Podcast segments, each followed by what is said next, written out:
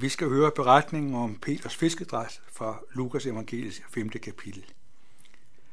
En gang, da Jesus stod ved Genesarets sø, og folkeskaren trængtes om ham for at høre Guds ord, fik han øje på to både, der lå ved søen.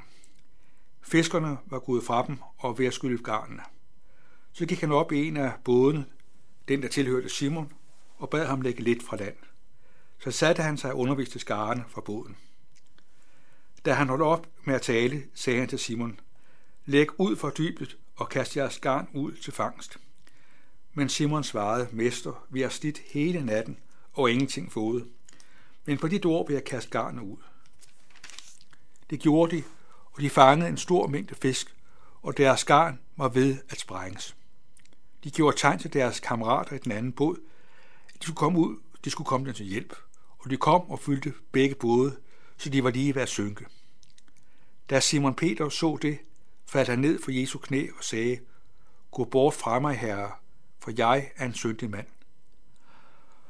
For han og de, og de alle de andre, der var med ham, blev grebet af redsel på grund af den fangst, de havde fået.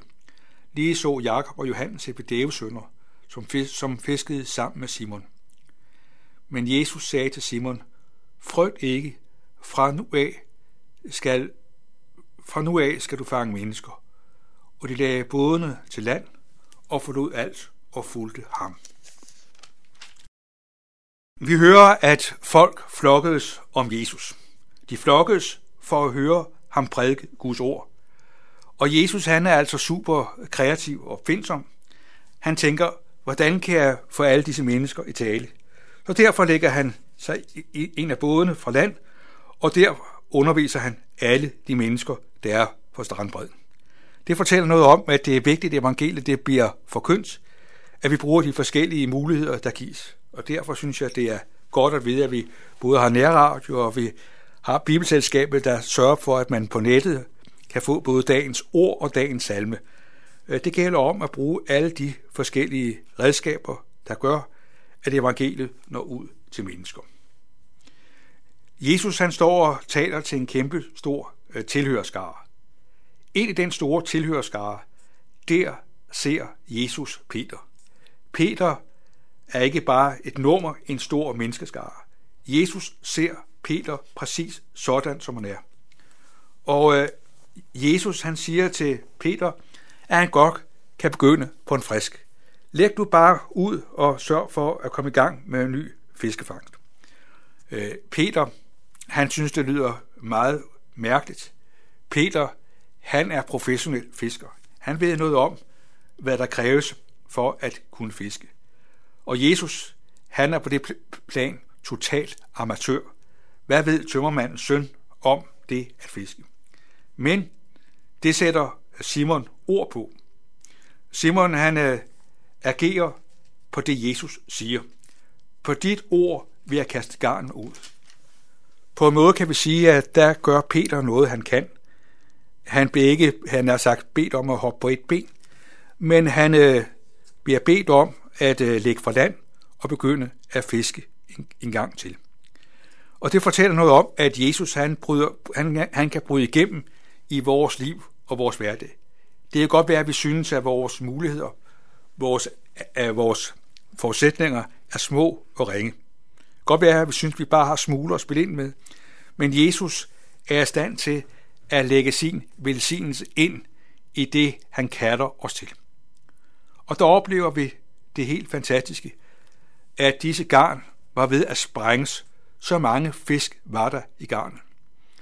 Og øh, folk er fuldstændig målløse. Der står, at de bliver grebet af frygt. Man kunne måske have forventet, at øh, Simon havde sagt, Halleluja, øh, nu må vi synge et lovsangskor. Det er der ikke noget forkert i. Det er godt at synge med i lovsangskor.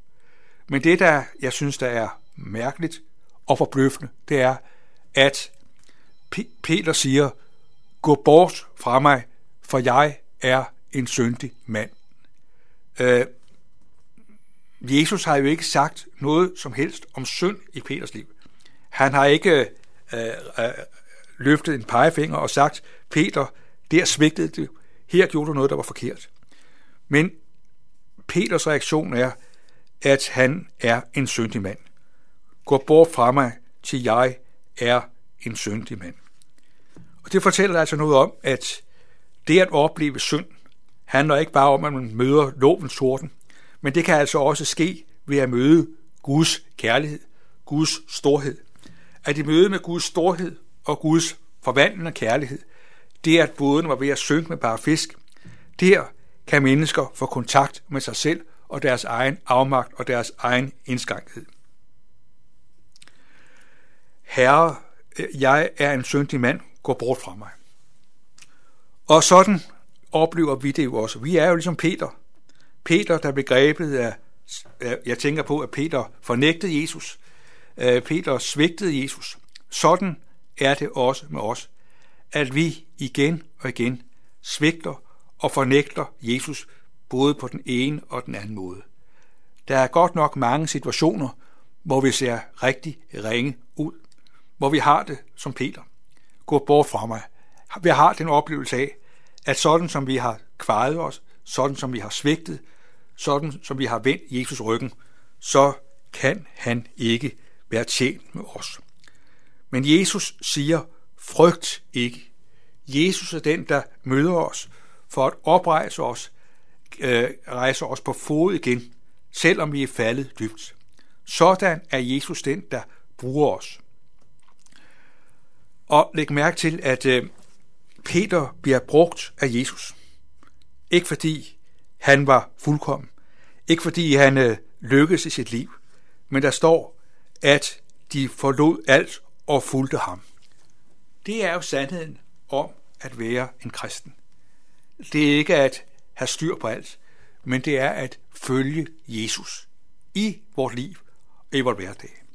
At det er jo den gode nyhed, at Jesus er med os alle dage indtil verdens ende.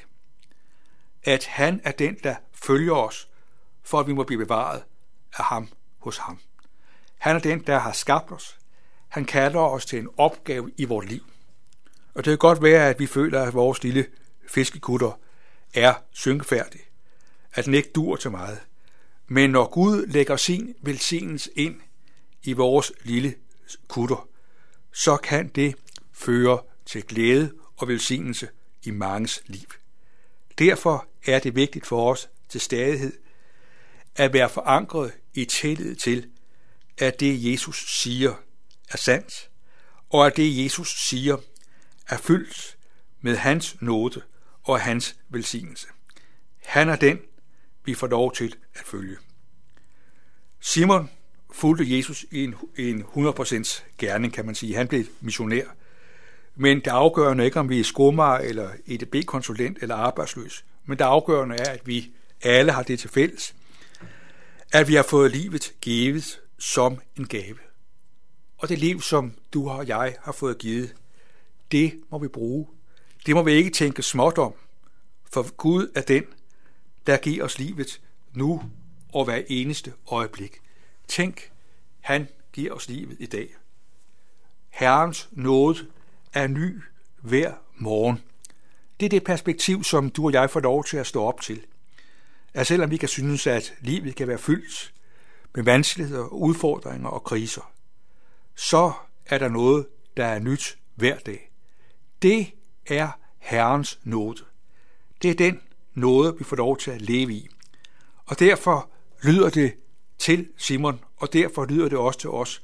Frygt ikke. Fra nu af skal du fange mennesker.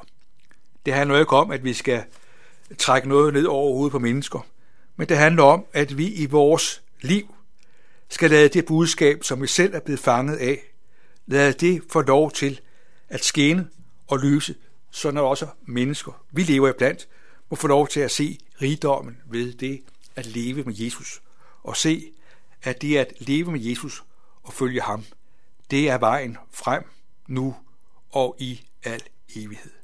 Tænk, at Jesus kender os. Han ved, at vi er mærket af synd. At ham kommer det ikke bag på, at vi igen og igen øh, er kristne, der kender til tvivl og angst og usikkerhed. Det tror jeg er et grundvilkår i Guds menighed. Sådan har det altid været. at når vi tænker på Peter, øh, så var Peters liv jo ikke bare et, en, en, øh, et, et liv og en dans på roser.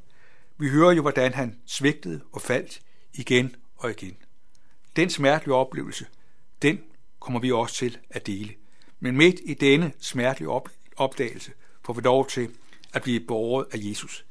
Han er den, der følger med os hver dag. Amen.